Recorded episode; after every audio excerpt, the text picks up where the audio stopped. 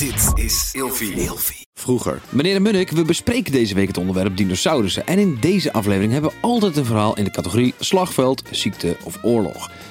We gaan het hebben over het einde van de dino's. Ja, er zijn verschillende theorieën over. Uh, meest algemeen aanvaard is dat er een meteoriet op aarde is geknald. En dat die zo'n grote impact heeft gehad dat dus alle grote soorten zijn uitgestorven. De andere theorie is dat de dinosaurussen geleidelijk uitstierven. Um, dit heeft dan te maken met een soort van survival of the fittest.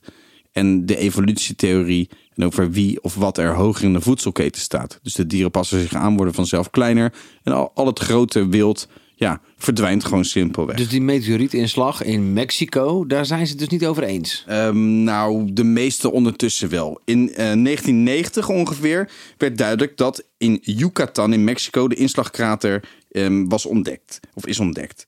En um, er zijn enorm veel gegevens verzameld van de effect van die inslag. Um, je moet het jezelf voorstellen, ze, ze noemen wel eens als een atoombom bijvoorbeeld ontploft. Uh, dan dan zijn er, vinden er verschuivingen in de lucht plaats. Krijgt bijvoorbeeld, dat noemen ze een nucleaire winter. Er komt zoveel rotzooi en stof en in, in de dampkring terecht, dat dus het zonlicht blokkeert. En daardoor vindt geen, eh, vindt geen fotosynthese plaats in plantjes. En daardoor verandert het zuurstofgehalte op aarde. En daardoor sterft eigenlijk alles dat leeft. Als we, ja.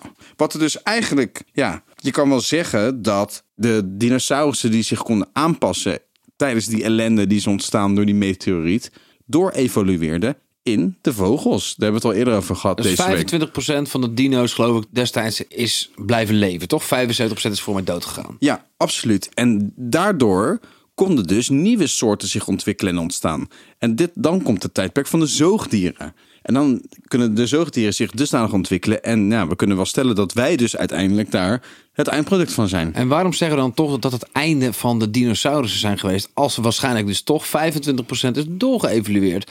En je tegenwoordig van die grote hagedissen ziet, mammoeten ziet, um, giraffen ziet, hele grote struisvogels. Volgens mij is er in Australië nog iets groots ontdekt onlangs.